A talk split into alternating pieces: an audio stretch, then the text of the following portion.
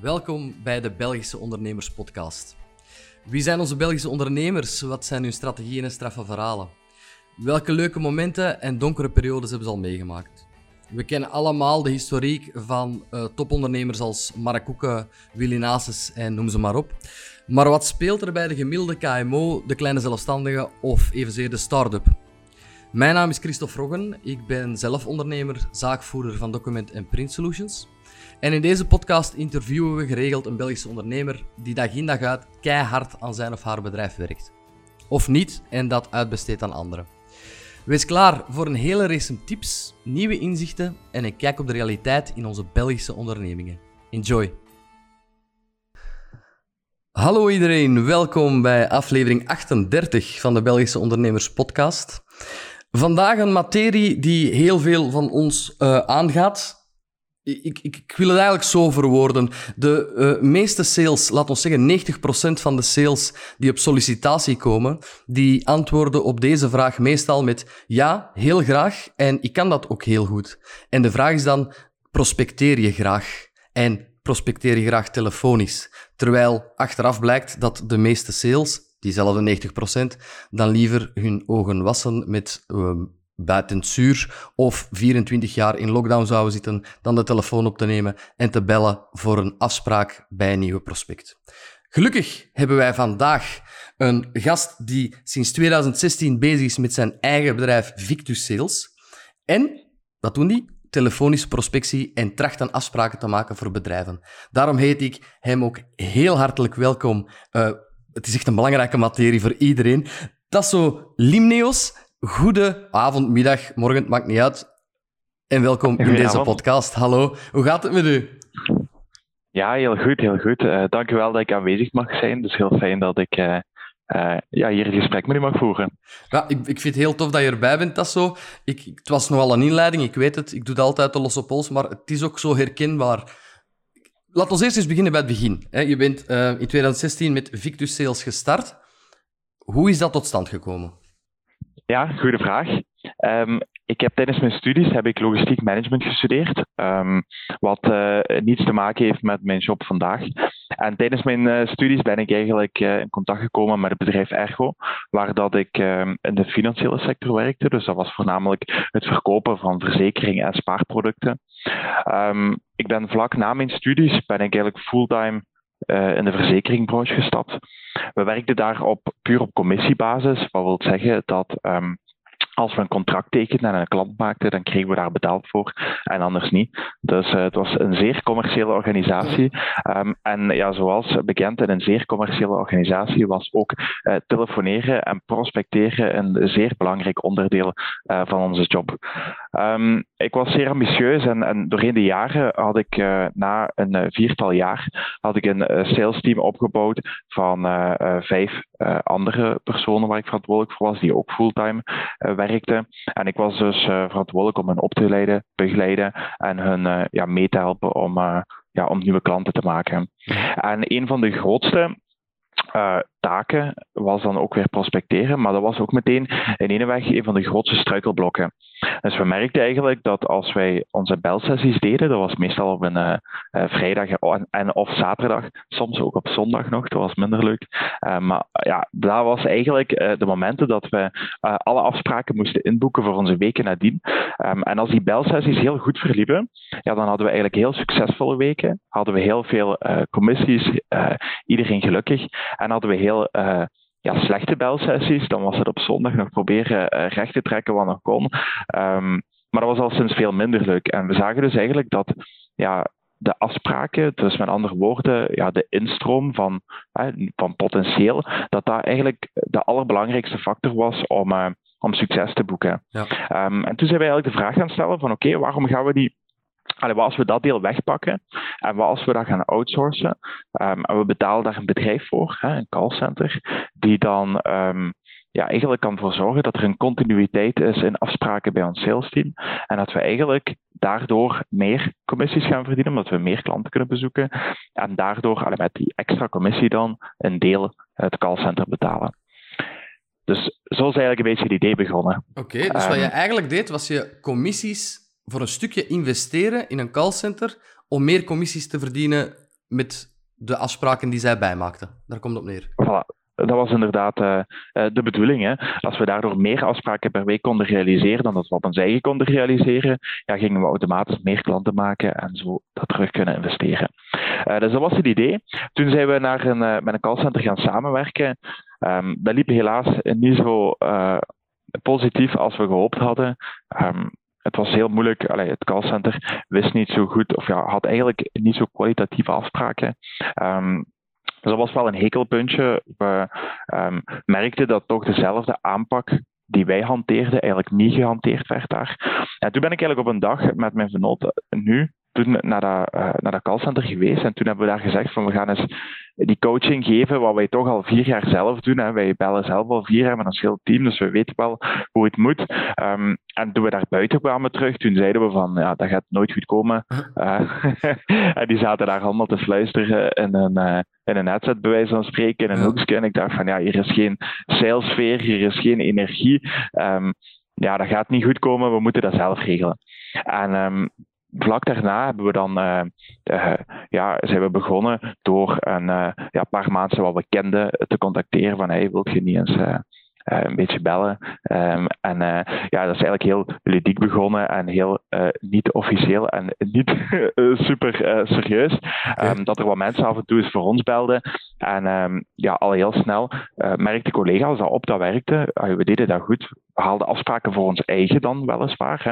En toen kwamen eigenlijk collega's vragen van hey, kunnen jullie dat ook niet voor ons doen? En we betaalden er wel voor.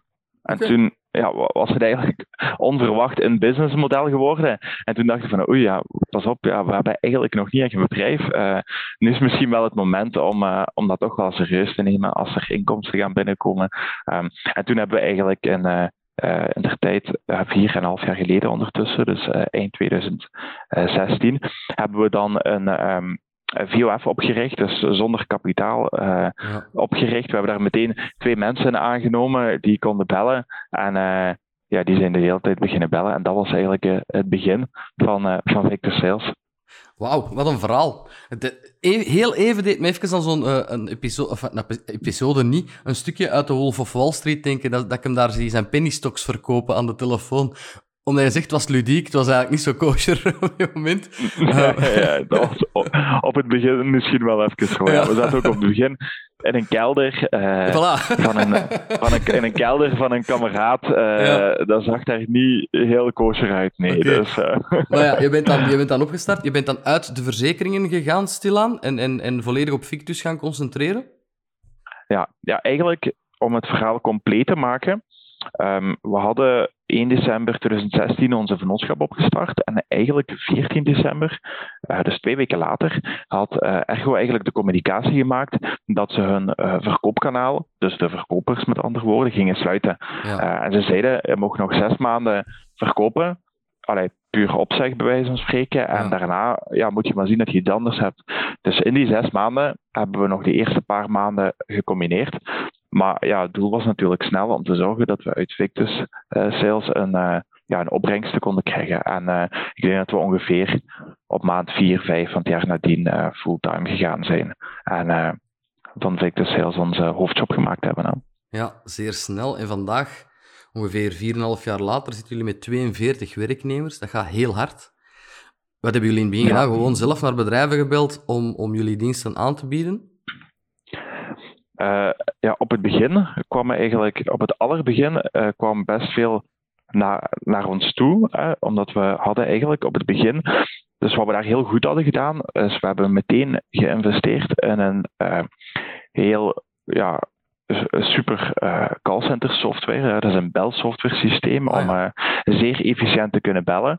Um, en dat was eigenlijk meteen onze eerste investering, waar dat ik nu vandaag nog altijd hoor dat heel veel bedrijven wat superveel bellen, nog altijd manueel bellen met Excel en met telefoons. Ja, hadden we meteen het idee van nee, we moeten dat digitaliseren, we moeten zo weinig mogelijk tijd verliezen. Um, en de eigenaar van dat platform, van die callcenter software, die was toen uh, helemaal uit, uh, uit Nederland, ik denk is Noord-Nederland gekomen, om ons ja, uit te leggen wat zijn software voor ons kon betekenen.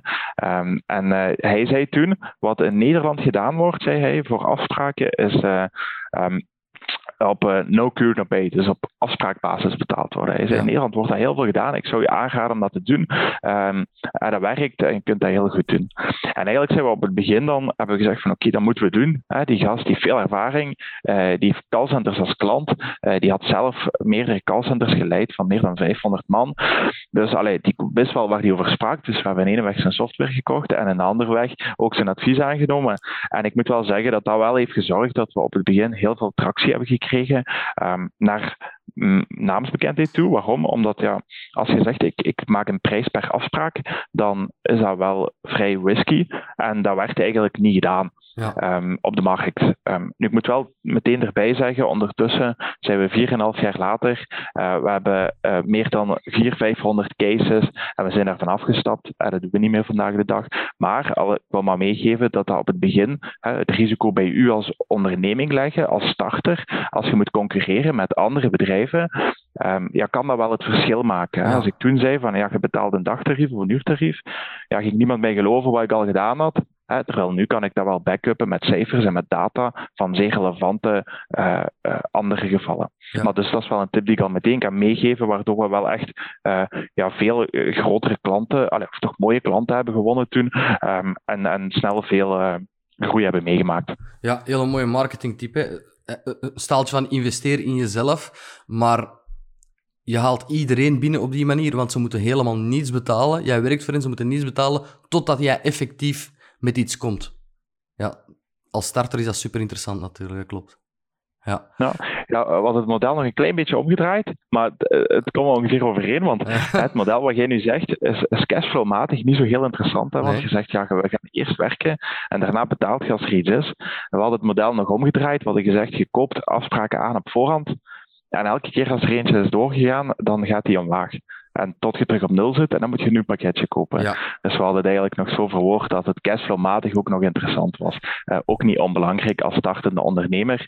Uh, om daar ook op in te pikken, we hebben vandaag de dag, we zijn toen begonnen met 300 euro's of, of een paar honderd euro alleszins in een VOF.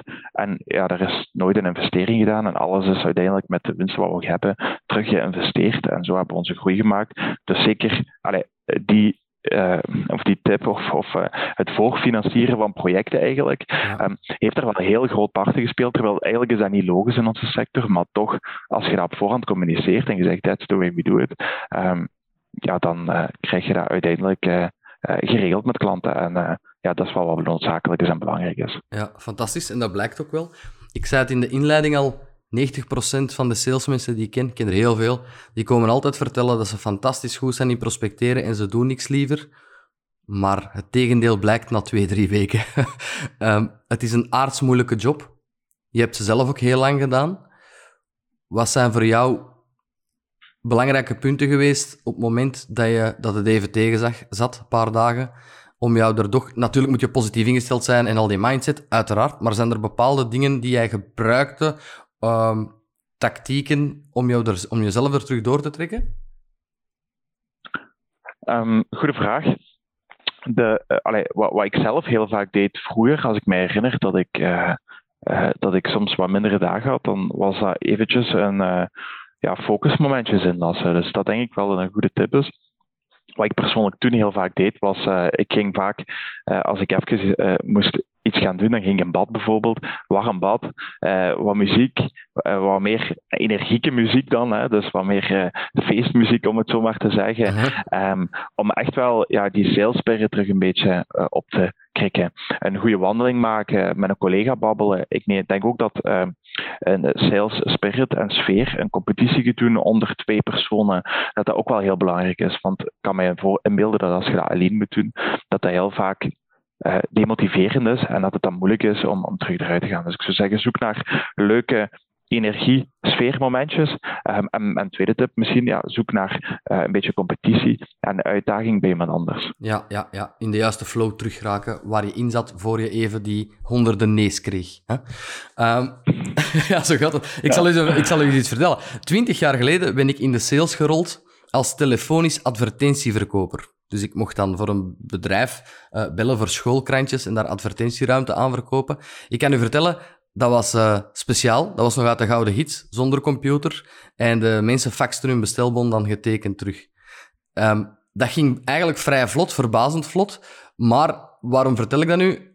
Twintig jaar geleden en wanneer jij startte vijf jaar geleden of nu, de tijden zijn enorm veranderd qua alleen maar beleefdheid en vriendelijkheid aan de andere kant van de telefoon en mensen die openstaan om gebeld te worden. Um, waar, waar, ja, ik zal het anders vragen. Jullie database, de mensen die jullie bellen, dat zijn, is dat B2B of is dat B2C om te beginnen? Ja, ja goede vraag. Um, we werken enkel, of ja, bijna enkel, dat is geen gouden regel, maar we werken voornamelijk voor B2B-bedrijven. Snap ik. Um, dus we bellen meestal naar zakelijke bedrijven. Um, particuliere doen we uh, vrij beperkt. We hebben wel wat leuke projecten in particuliere markt lopen. Um, en ook tijdelijk soms. Um, maar dat is niet onze core business. Uh, waarom? Ja, we werken enerzijds op, op daguren ook, dus we werken van half negen tot half vijf. Ja, dus dat is al iets moeilijker om particulieren te bereiken. Um, maar anderzijds ook naar databases toe, naar toegankelijkheid toe, maar ook naar skills om te bellen, naar uh, kwaliteit om te bellen. Dat is net iets anders dan bij een particuliere aanpak. Ja. We merken dat particulieren veel meer uh, ja, commercieel is in een negatievere zin, dus meer uh, closing verwacht, meer telesales erbij komt kijken, meer pushen, uh, meer uh, doorduwen. En dat is eigenlijk niet wat we proberen te bereiken. In de B2B proberen we te gaan naar kwalitatieve afspraken. En uiteindelijk is het doel om onze klanten um, ja, uiteindelijk geld te laten verdienen. Hè, gelijk ik het dus straks zei, meer geld te laten verdienen door met ons te werken dan dat ze daarvoor deden zonder ons. Um, en dat doet je alleen maar door ja, kwantiteit te hebben gekoppeld met kwaliteit. Um, en dat is een beetje onze expertise. Dus vandaar dat we voornamelijk B2B werken. B2B. Ja, ik ga er een tussenvraag stellen, omdat je het nu zelf aanhaalt. De bedoeling is dat je de ROI kan aantonen. Zijn er op voorhand nu nog ook afspraken van wij gaan x aantal afspraken maken, kwalitatief, of je wordt iets teruggestort of je krijgt meer beluren? Is dat op dit moment nog van toepassing? Ja, goede vraag. Dus vandaag in theorie niet. Hè? Dus uh, we geven geen exacte verwachting uh, zwart op wit op papier uh, terug. Maar allee, ik kan wel zeggen, we hebben ondertussen, gelijk ik al zei, 500 campagnes gedaan, denk ik. En elk bedrijf wat bij mij komt, kan ik uiteindelijk wel linken aan data die ik heb.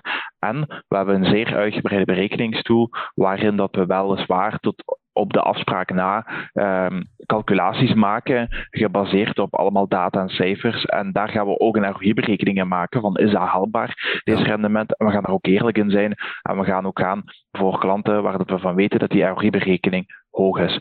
Nu, om nog een keer daarop te counteren, in het, uh, uh, om, om het verschil uit te leggen met de afspraak, wat ook het nadeel en het voordeel was vroeger, we maakten een vaste prijs, maar we hadden dan klanten waarin dat wij uiteindelijk veel meer verdienen dan dat we vandaag verdienen. En we hadden ook klanten waar dat wij eigenlijk veel meer verlies op maakten dan we vandaag verdienen.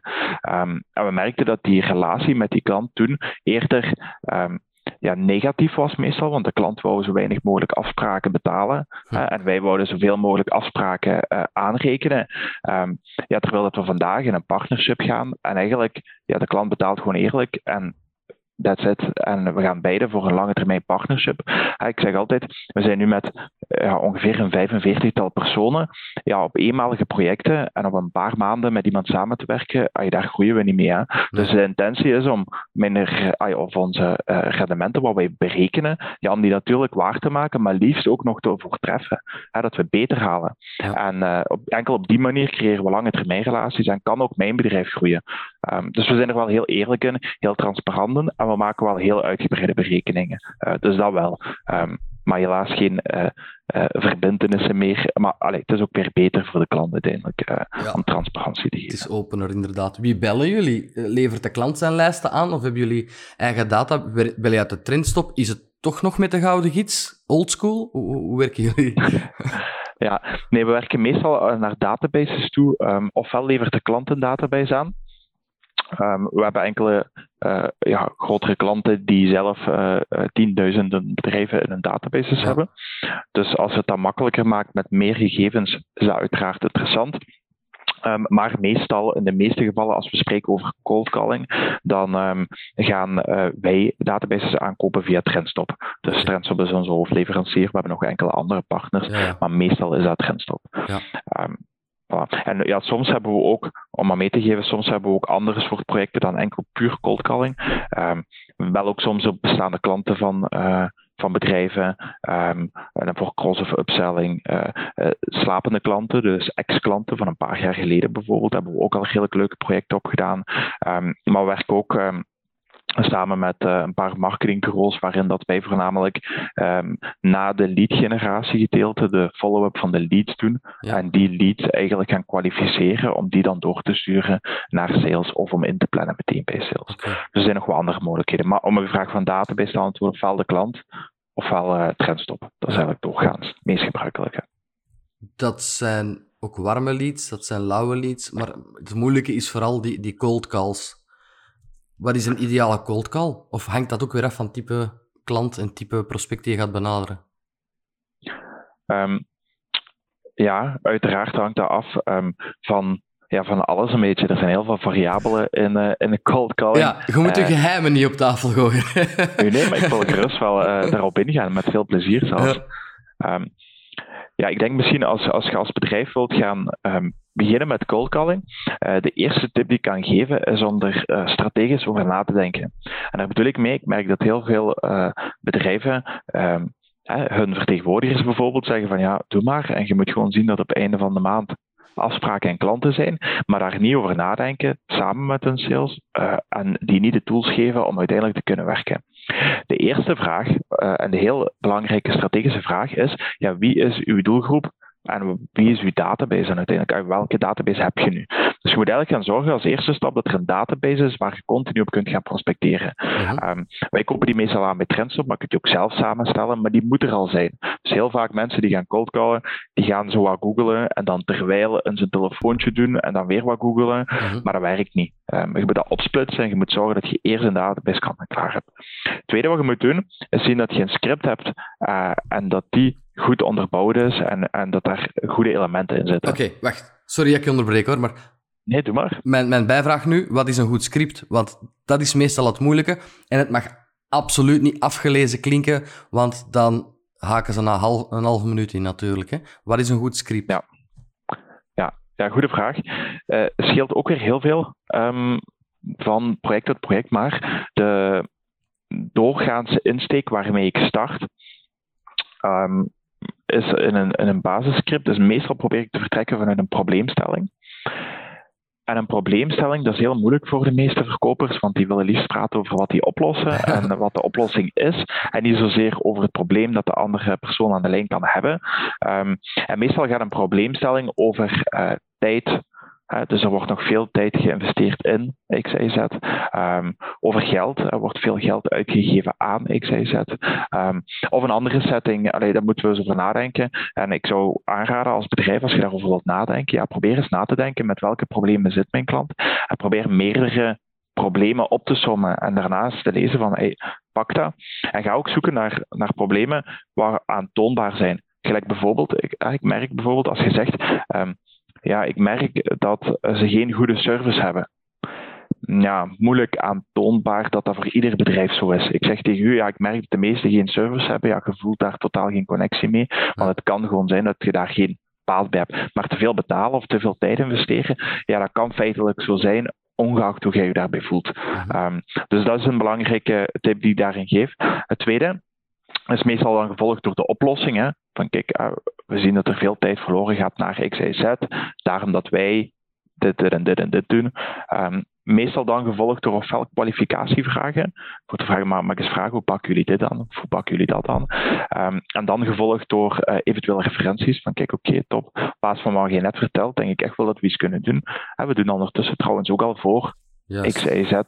Um, en dan de afsluit. Maar uh, ik zou daar graag eens een afspraak voor inplannen om eens te laten zien hoe we dat precies aanpakken. Uh, pas u dat beter op een voormiddag of beter op een namiddag. Ja. En dan uh, de afspraak closen aan. Dank u, dat is heel waardevol. Dus we hebben database, we hebben het script, we hebben de, je... het goed humeur.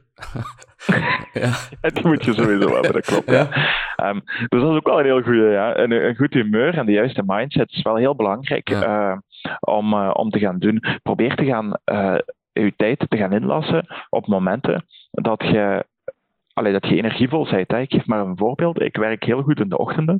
Um, dus op, op ochtenden ja, ga ik meestal mijn mails doen en ga ik meestal uh, zware denktaken doen. Um, laat mij om drie, vier uur mijn mails uh, allee, ik doe die wel, maar liefst de grote mails die ga ik dan skippen voor een ochtenden weer. Hetzelfde met bellen. Als bellen mentaal ja, vraagt best veel energie. Um, ja, zie dan dat je dat doet op momenten dat je positief geladen bent meestal. En als dat doorgaans niet is om drie uur naar de middag, ja, plan het daar ook niet aan. En zie dat je dat doet op momenten dat je uh, tijd vrij hebt.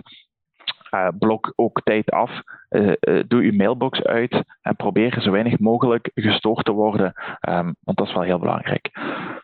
Nu, als je dan je um, database hebt, je hebt je scripting. Ja, wat nog bij scripting hoort, zijn ook argumenten. Je hebt um, ja, redelijk wat ja, je hebt een heel deel standaard argumenten. Um, een deel standaard argumenten zoals geen tijd, geen interesse, uh, ik heb dat al, um, uh, enzovoort enzovoort. Er zijn nog een heel deel. We hebben daar al waarschijnlijk wat opleidingen ook wat we daarvoor geven. Um, maar in ieder geval, uh, daar kan ik zelfs nog op terugkomen, op die argumenten. Maar je hebt ook sectorspecifieke argumenten, specifiek voor uw bedrijf. En bereid die ook voor. Hè. wat kost dat? Um, hoe werkt dat precies wat jullie doen? Allee, er zijn nog bepaalde argumenten buiten die korte tekst wat ik zei. bereid die ook voor en denk daar ook eens over na. Nu, als dat allemaal klaar zit, dan heb je eigenlijk alles om te gaan beginnen Um, en dan, wanneer je je sessie begint, dan kun je eigenlijk meteen met een lijst beginnen van boven tot onder te bellen, de een naar de ander, um, met een script wat je hebt waarvan je argumenten op weet. En dan zit je eigenlijk klaar voor, uh, ja, voor succes te gaan uh, behalen. Ja, en dan alles af. Ik bedoel dan social media, mails, alles uit. Focus, een uur lang bellen. Al dan niet met iemand anders naast u om tegen één op te bellen. En zo creëer je de juiste motion daar.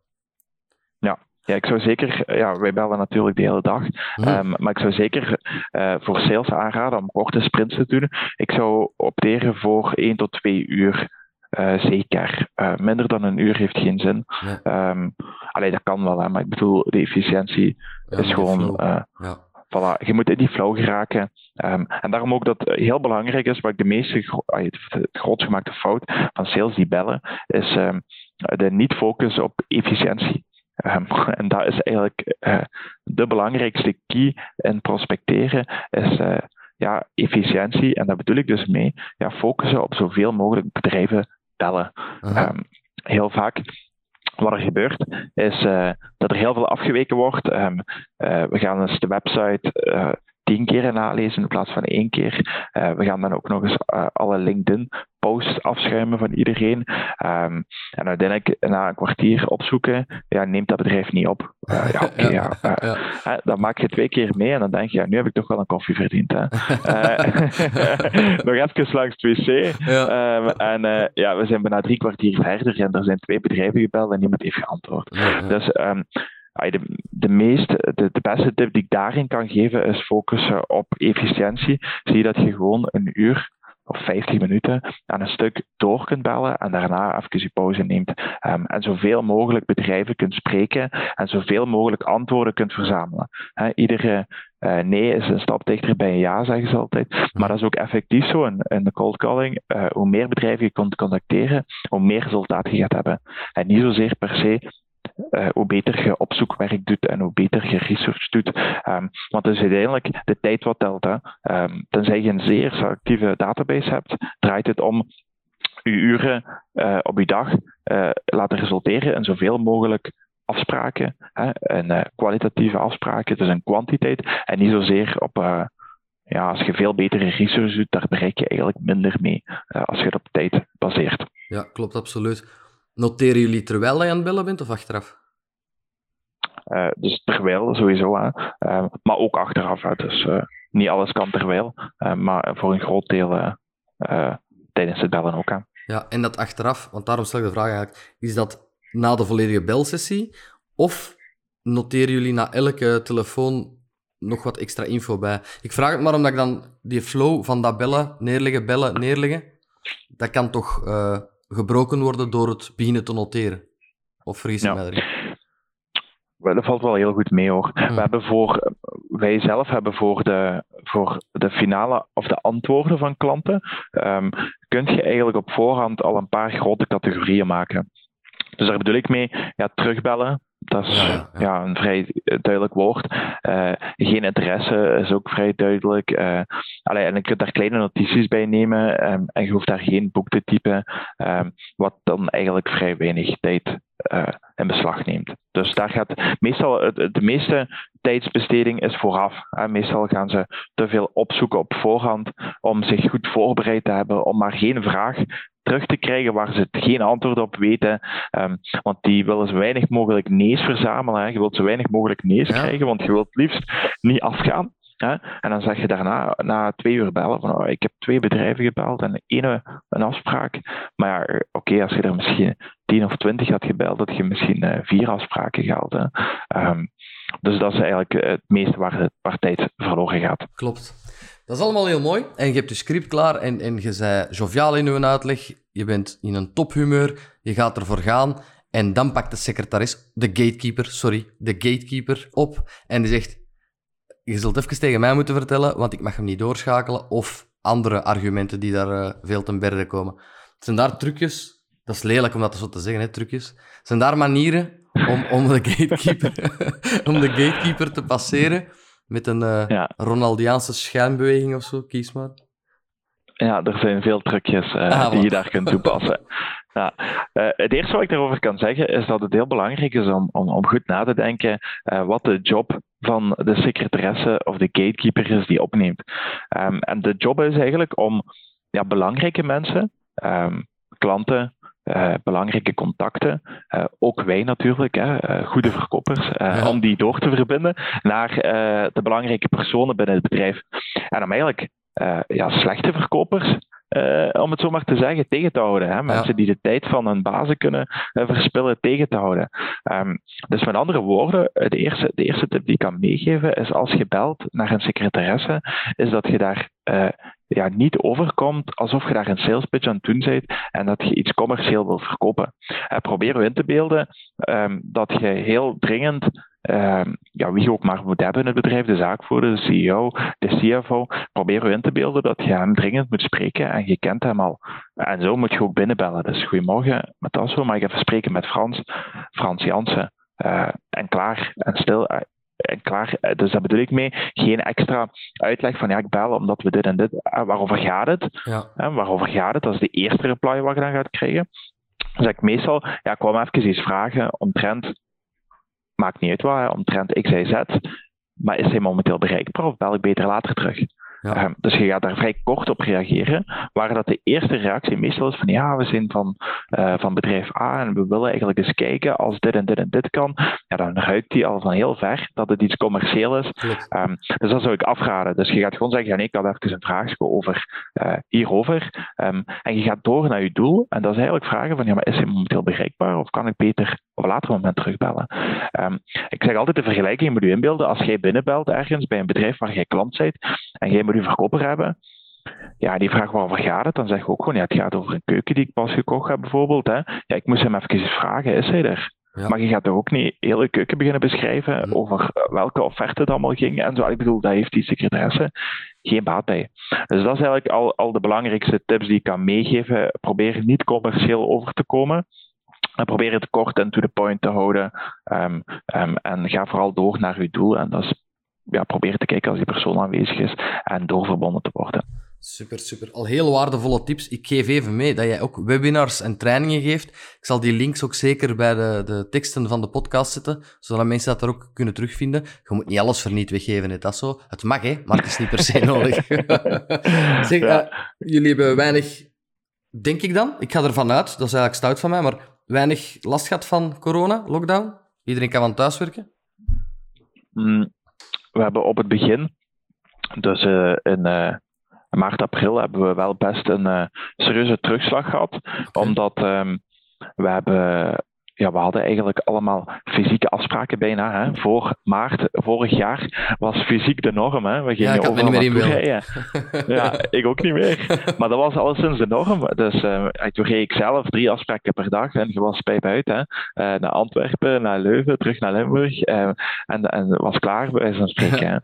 um, nu, allee, toen hadden we dus even een, een serieuze terugval, omdat ja, heel onze business steunde voor ik denk 80, 90 procent op fysieke afspraken. Ehm, en vandaag en morgen konden fysieke afspraken niet meer. Ehm, en alle klanten waren dan ook even in, in, in shock en hebben dan heel veel op de, op de rem geduwd. We zijn toen teruggevallen. Ik denk dat we toen met um, een dertigtal personen waren, denk ik ongeveer. En 25, 20, 25 agents hadden we toen. En toen zijn we teruggevallen, denk ik, op vijf agents binnen de week of zo. Ja. Um, toen heb ik iedereen op economische werkloosheid moeten zetten. Ook aan mijn sales team. Ik had juist een sales aangenomen sinds twee maanden. Een tweede sales aangenomen sinds uh, twee maanden, dus sinds januari. Ja, ook alle twee op economische moeten zetten, want er was geen sale. En um, ja, toen zat ik thuis. Uh, vijf man die nog werkten, van thuis uit weliswaar dan. En 25 mensen op economische werkloosheid ja, geen klanten meer bijna. Dus toen was het even moeilijk voor mij. Um, en het was wel ook even zoeken naar van oké, okay, wat is nu de new way? Uh, hoe gaan we dat nu moeten aanpakken? En toen moet ik zeggen dat ik wel heel goed herpakt heb. Ook zeker samen met mijn vernoot Matthias uh, hebben we heel veel nagedacht over oké, okay, hoe gaan we er nu voor zorgen dat we zoveel mogelijk digitaal kunnen doen? Okay. En toen heb ik um, al redelijk snel zelf de, ja, de volledige sales had ik dan een beetje terug overgenomen. Ik deed al iets minder sales toen met twee verkopers. Um, zijn we terug, heb ik die terug overgenomen, volledig op digitale meetings overgeschakeld. En uh, al, ik denk uh, binnen de ja, ook zelf digitale meetings overschakelen, maar ook het inplannen van digitale meetings. Hè. De klanten gaan zoeken die er wel voor open stonden om uh, digitale meetings te doen. Vandaag is dat een veel groter potentieel, maar toen, in april, in mei, ja, was dat um, een, een redelijk klein percentage van de bedrijven die het beter deden. En die moest ik eigenlijk proberen te zoeken, uh, zodat ik daar vanuit kon leren. Um, ik moet zeggen, dat is vrij goed gegaan. We hebben een heel goede shift gemaakt. En um, we zijn 1 juni um, heb ik terug, eh, we zijn stelselmatig terug iedereen beginnen uh, te laten werken. Maar 1 juni hebben we terug uh, iedereen uh, op de payroll kunnen doen, zonder ook nog maar één dag, bij wijze van spreken, aan uh, economische werkloosheid te kunnen doen. En we zijn vorig jaar nog, uh, ik denk in totaal, hebben vorig jaar, ondanks die paar maanden, wat een zeer serieuze omzetdaling was van min 70% tot 80%, hebben we het jaar wel nog kunnen stijgen uh, in een plus 40% vorig jaar.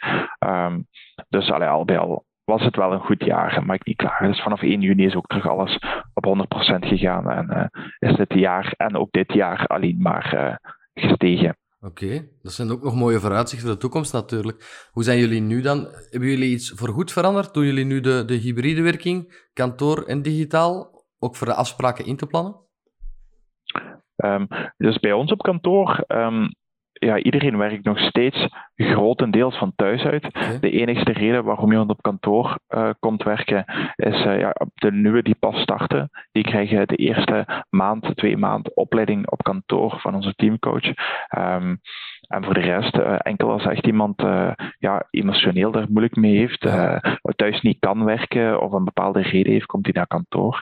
Um, en dan voor onze klanten, ik denk dat, dat we vandaag de dag, ik denk echt 90% zijn digitale meetings waar wij inboeken voor onze klanten. Ik ja. denk allemaal bijna, ja, er zijn nog wel een paar klanten die echt zeggen, wij moeten fysieke afspraken hebben.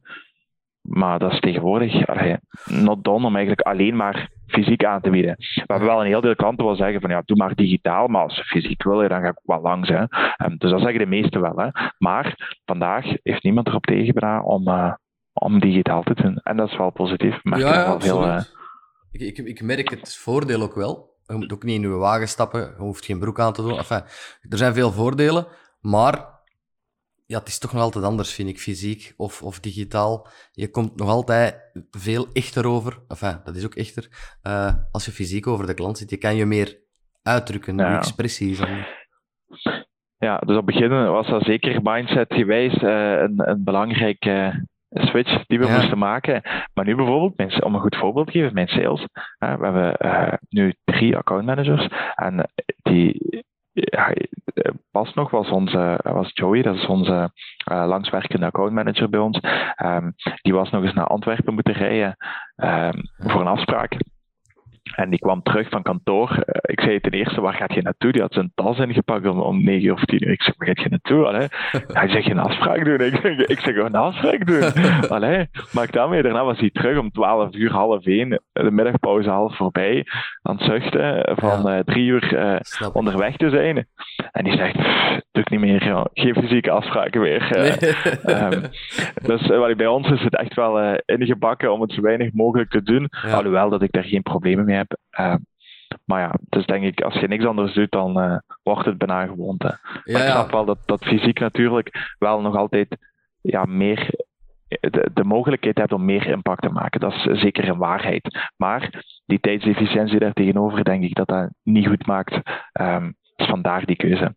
Daar heb je 100% gelijk in. Je kan ook veel meer afspraken inplannen op een dag dan fysiek, hè, digitaal. Ja. En ja, je staat niet in die verdomde files. Hè. Ik, ik rijd ook niet meer naar Limburg hoor. Met alle respect, uh, vakantie en zo. ik ook niet meer in de aanpak oh, wel, op vakantie en zo wel. Maar als je op voorhand al weet dat je eigenlijk, laten we zeggen, anderhalf uur heen, uh, afspraak anderhalf uur terug. Je bent eigenlijk al meer dan een halve dag kwijt. Alleen maar om een afspraak van een half uur tot een uur te doen, die wie weet tot iets gaat leiden. Ja, dat is eigenlijk totaal niet efficiënt. Ja, inderdaad. Ja. Vandaag als we, kunnen we uh, waar we vroeger drie afspraken deden. Um, en dan was uw dag blijven vol bij wijze van spreken. Um, tenzij het super efficiënt gepland was.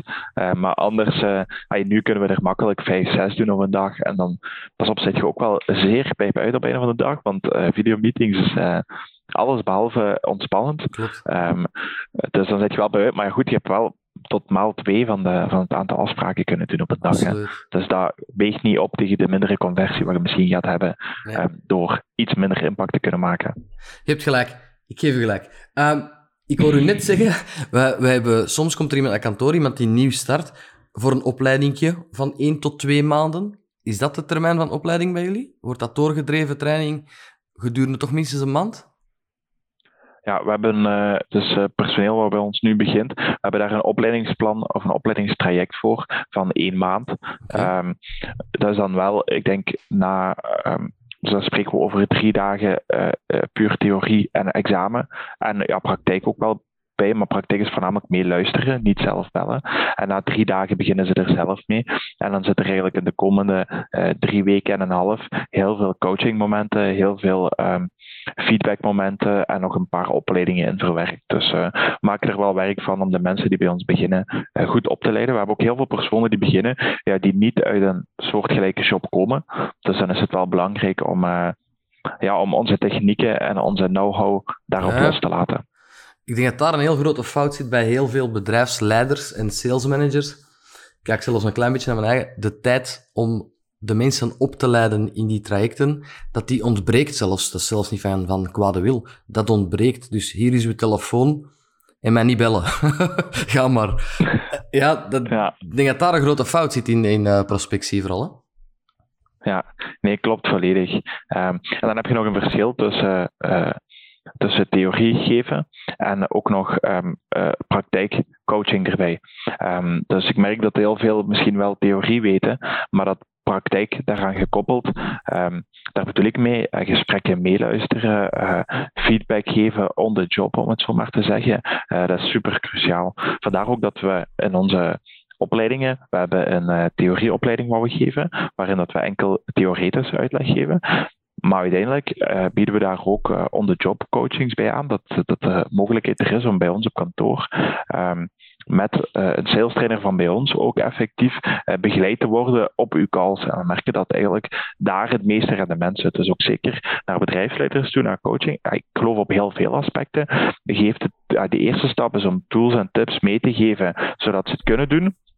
Ja, de tweede stap is om tijdens het uitvoeren daarvan ja, ja, te gaan controleren is een negatief woord, maar in ieder geval te gaan monitoren, ja. zodat je positieve feedback kunt geven en ook verbeterpunten kunt meegeven. Um, en heel vaak wordt ofwel de tools al niet gegeven, en als ze wel gegeven worden, wordt er daarna niet meer naar gekeken, buiten dat het resultaat er niet is. Um, en ik denk dat juist het tweede stuk, om er naar te kijken naar die resultaten, en om daar uh, mee over te gaan nadenken wat beter kan. En om dat te challengen, ik denk dat daar zelfs nog meer win zit dan enkel de tools te geven. Um, Voilà. Dus dat ja. zou een beetje mijn, uh, Volg ik helemaal. Met daarin zijn. Nee, dat is waar. Volg ik helemaal. Ik ben nu te veel gelijk aan het geven. Ik kan er vragen moeten stellen.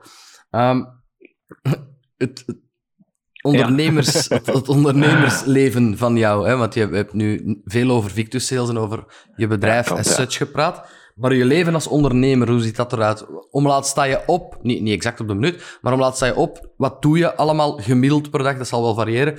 Uh, om laat stop je, om laat ga je slapen, wat gebeurt er allemaal tussen?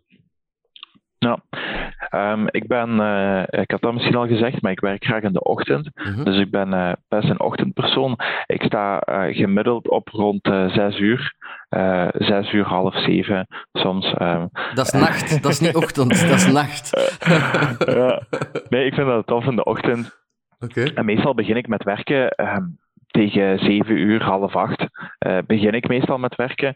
Uh, ik heb ook sommige ochtenden dat ik ga sporten. Dan ga ik van 7 tot 8 sporten. Dus dan begin ik wel rond half 9, uh, eh, kwart voor 9. Maar meestal ben ik wel tegen 7 uur, half, half 8 aan het werk. Ja. Um, dat zijn ook mijn beste momenten dat ik gewoon doorheen mijn mailbox kom en echt gewoon heel veel zaken kan afwerken wat ik daarna niet meer kan doen. Um, zeker ook als je in de rush van kantoor zit, heel veel vragen. Um, en uiteindelijk kun je als uh, zaakvoerder uh, altijd wel uw dag vullen met iedereen zijn vragen en bijsturingen en alles hoort je wel hier en daar mee. Um, dus dat probeer ik eigenlijk te vermijden in de ochtenden.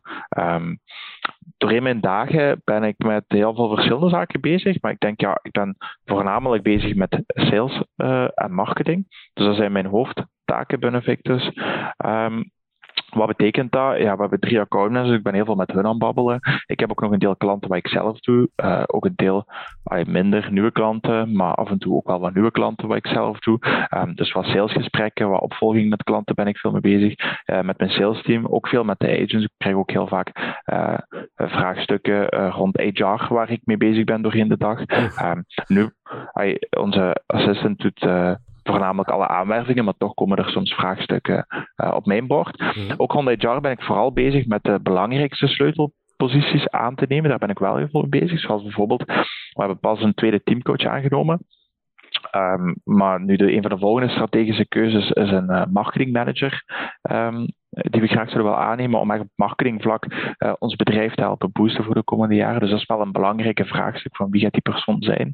Uh, hoe, ja, wat moet die kunnen?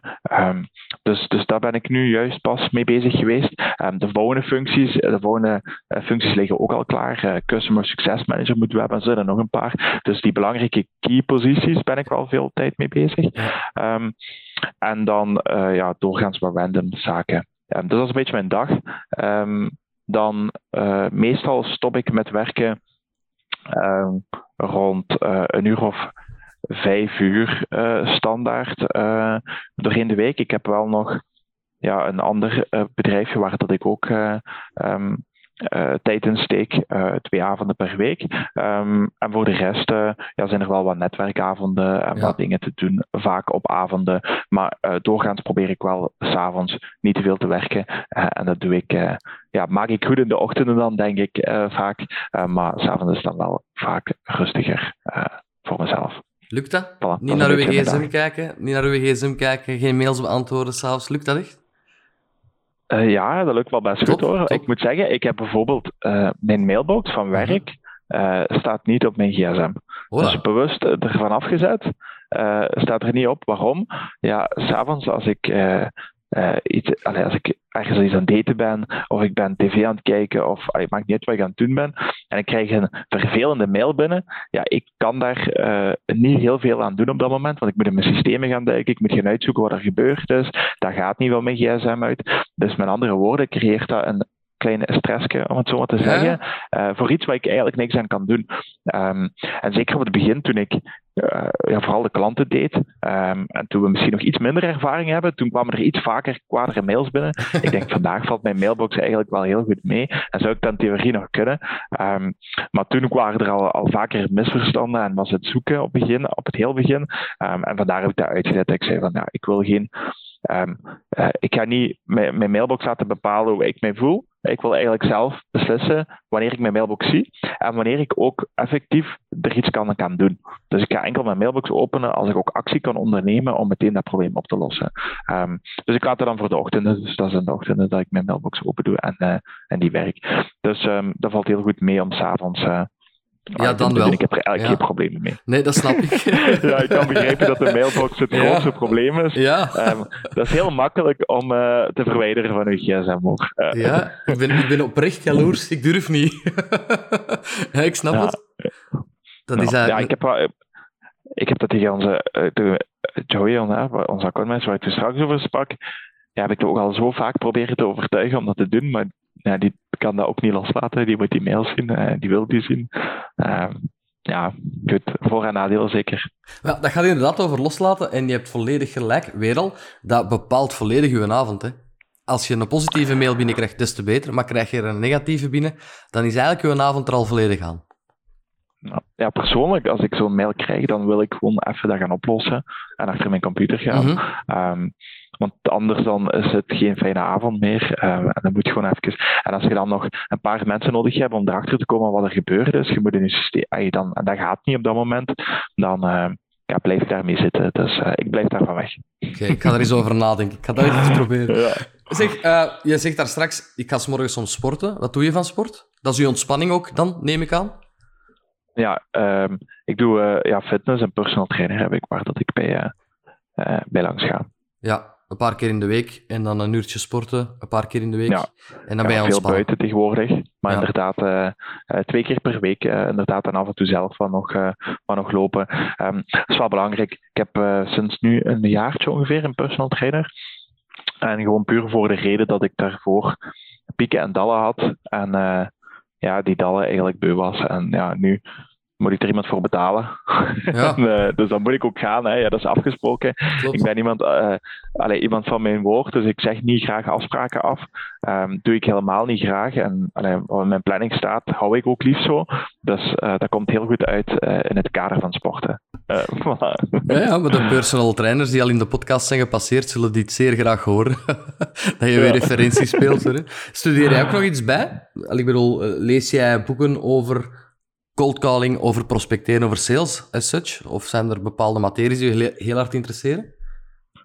Um, ja, ik, ben, ik heb eigenlijk doorheen de jaren, als ik uh, over de jaren mag spreken, uh, ben ik heel veel, uh, of een heel grote fan van video en audio.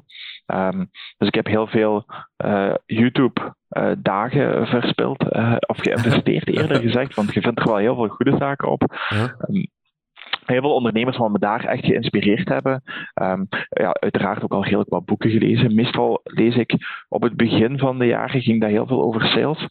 Um, vandaag de dag lees ik meer over, of kijk ik ook meer naar YouTube over ondernemerschap en over groeien en over uh, ja, echt uh, doorschalen. Hè. Ik zit vandaag minder in het operationele, alhoewel nog altijd en ook nog in sales, maar probeer er minder en minder tijd Ja, ja. in te steken en meer en meer te zetten op uh, groeien en ondernemerschap. Dus dat is wel iets waar ik, uh, waar ik zeer geïnteresseerd in ben en veel mee bezig ben. Ah wel, dan de aansluitende vraag. Nee, je wou nog iets zeggen, sorry, zeg maar. Ah ja, wat wou je misschien vragen? Misschien was dat hetzelfde. Waar jouw ambitie dan ligt de komende drie tot vijf jaar? Ah, nee. Nee, maar dat zal ik we wou dat zeggen- vragen, ja. ja, dat is goed. Um, ik wou eigenlijk zeggen dat um, uh, het boek wat ik, wat ik pas teruggekocht heb, um, ik was die kwijt blijkbaar, dus dat is wel echt een goede aanrader. Dat is een van mijn favoriete boeken. En dat is Rijke Pa, Arme Pa. Ja, gelezen. Robert uh, Kawakawaski.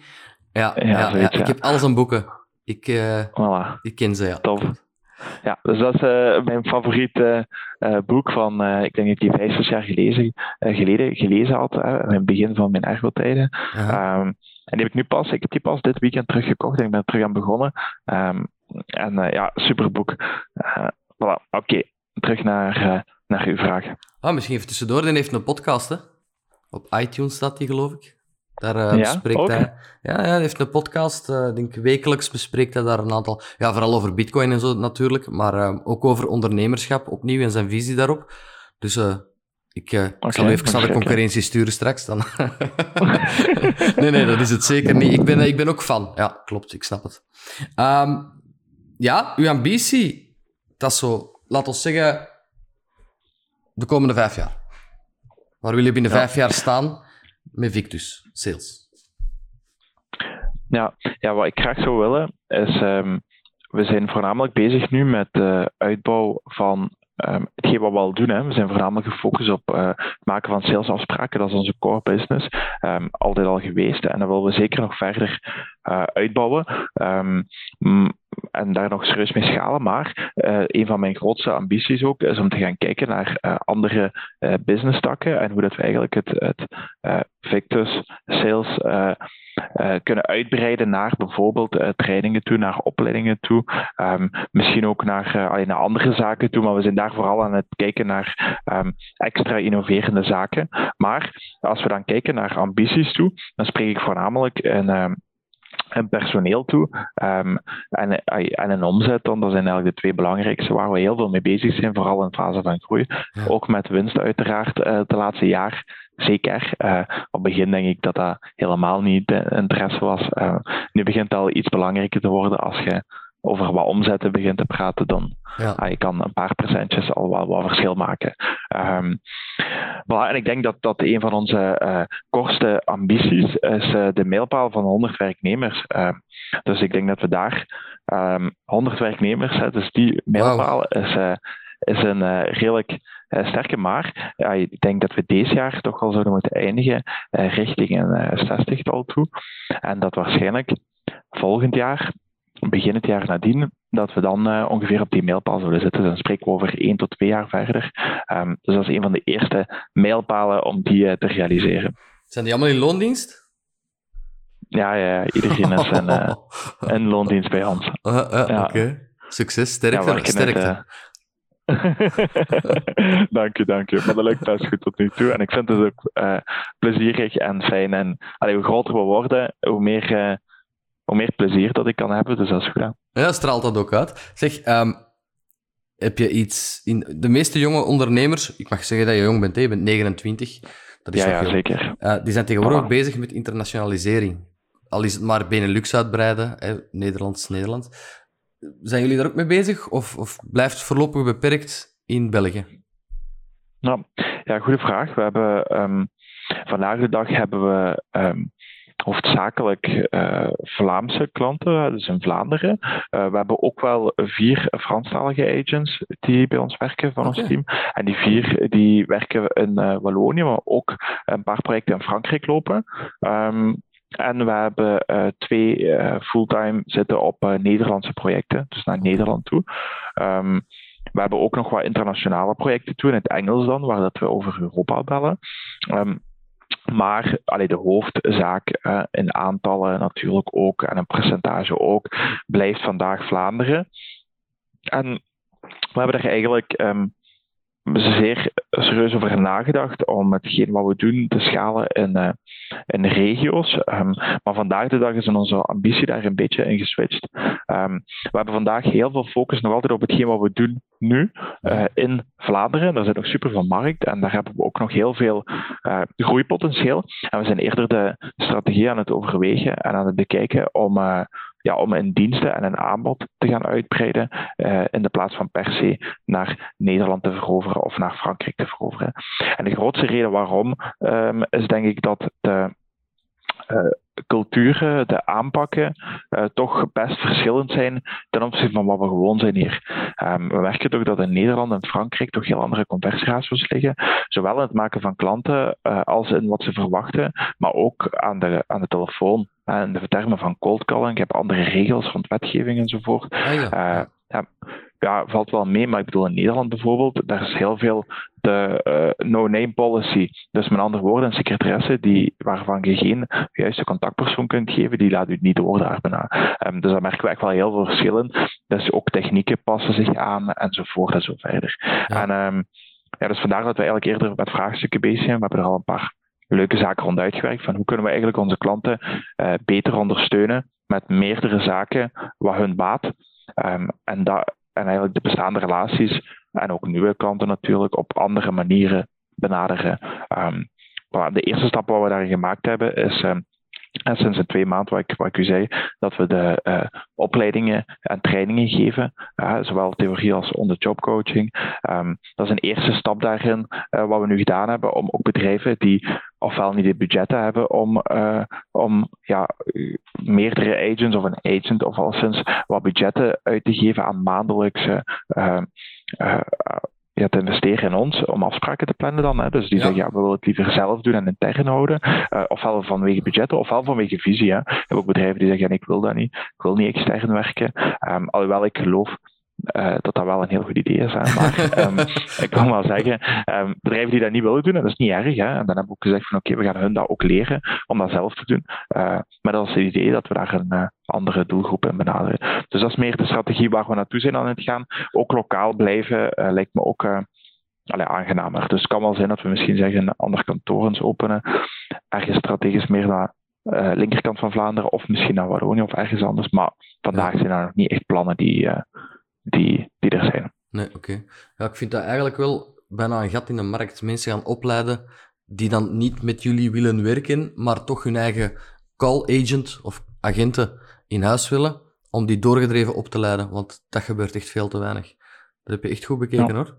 Uh, ja, upscalen ja, bij klanten. Die heb, die heb je hun vertrouwen al. Dus dat is uh, de juiste strategie. Uh, ik sluit meestal deze podcast af, dat zo met dezelfde vraag. En dat is niet zo'n gemakkelijke vraag.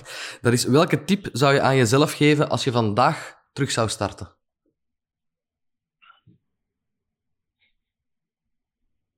Uh, welke tip zou ik mezelf geven als ik vandaag terug zou starten? Dat mag positief en negatief zijn, hè? een van de beide. Gewoon, wat zou je tegen jezelf zeggen als je terug naar december 2016 gaat? Of iets ervoor, voordat je wist dat het ook ging lukken?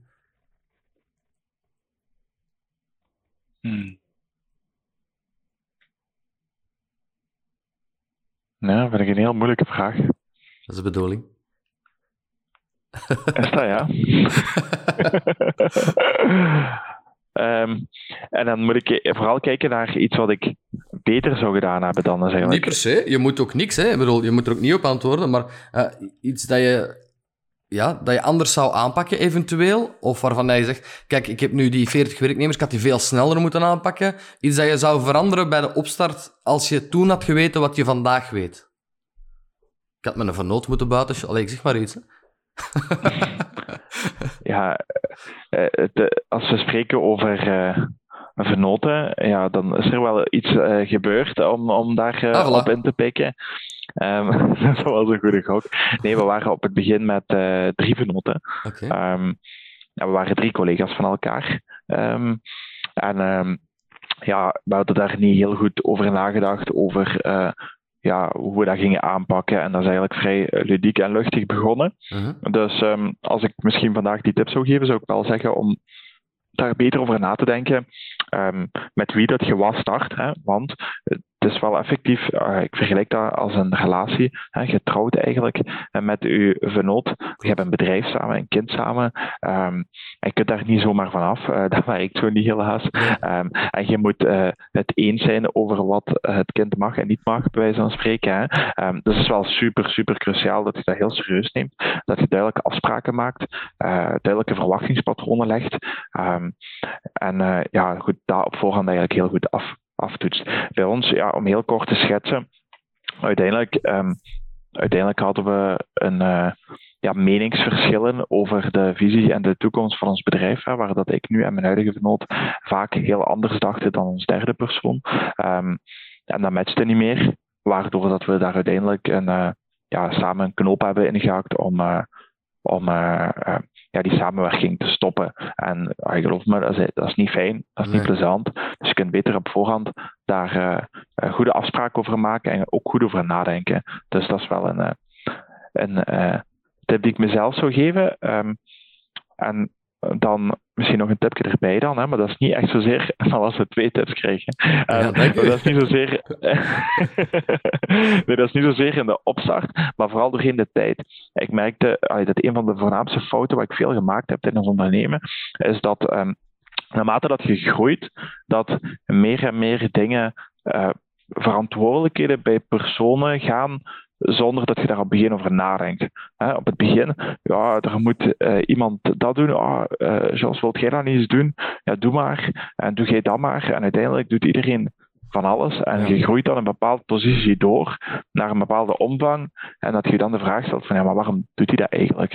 Um, we hadden er eigenlijk toen niet bij nagedacht dat dat zo'n belangrijke rol kan worden in de toekomst. We hadden er eigenlijk niet bij nagedacht wat voor een persoon we eigenlijk op die plaats zouden willen hebben. En uh, het kwam maar en uh, uh, ja, daar niet bij nadenken. Dus dat is eigenlijk wel een belangrijke tip. Ik denk dat de juiste mensen op de juiste plaatsen um, belangrijk is. Ik zou denken, in plaats van zomaar verantwoordelijkheden en taken te geven aan iedereen, uh, probeer u altijd na te denken over ja, wat voor een persoon zou ik daar willen. En in de tweede fase van oké, past, wie past daar nu in dat profiel van wat ik daar zou willen. Um, want als je één keer iets geeft, of als je één keer verantwoordelijkheden geeft, en dan kun je daar helaas niet meer zo snel onderuit gaan. Um, en ook al doet je dat niet zo heel goed, um, ja, dan zit je daar soms een beetje emotioneel aan verbonden. Um, en dat kan wel eens, uh, dat is al eens een paar keer uh, zuur geweest voor ons. Dus, uh, dat begrijp ik. Zoals een kind zijn lolly afpakken eigenlijk. Hè? Ja, dat is niet interessant. nee, ja, bedankt voor deze twee zeer waardevolle tips. Is er iets dat jij zelf nog wilt pluggen of de wereld insmijten via deze podcast? Nee. Um, ja, alvast bedankt. Uh, voor, uh, voor het leuke gesprek. Heel graag gedaan, uh, maar wacht, ik kom direct bij u terug dan. Ik vraag het altijd omdat okay. ik dan zeker ben dat je, dat je je verhaal hebt kunnen brengen. Ik ga heel even zelf afscheid nemen van de kijker en luisteraar en dan kom ik direct bij jou terug om jou uitgebreid te bewieroken en bedanken. Klein secondje.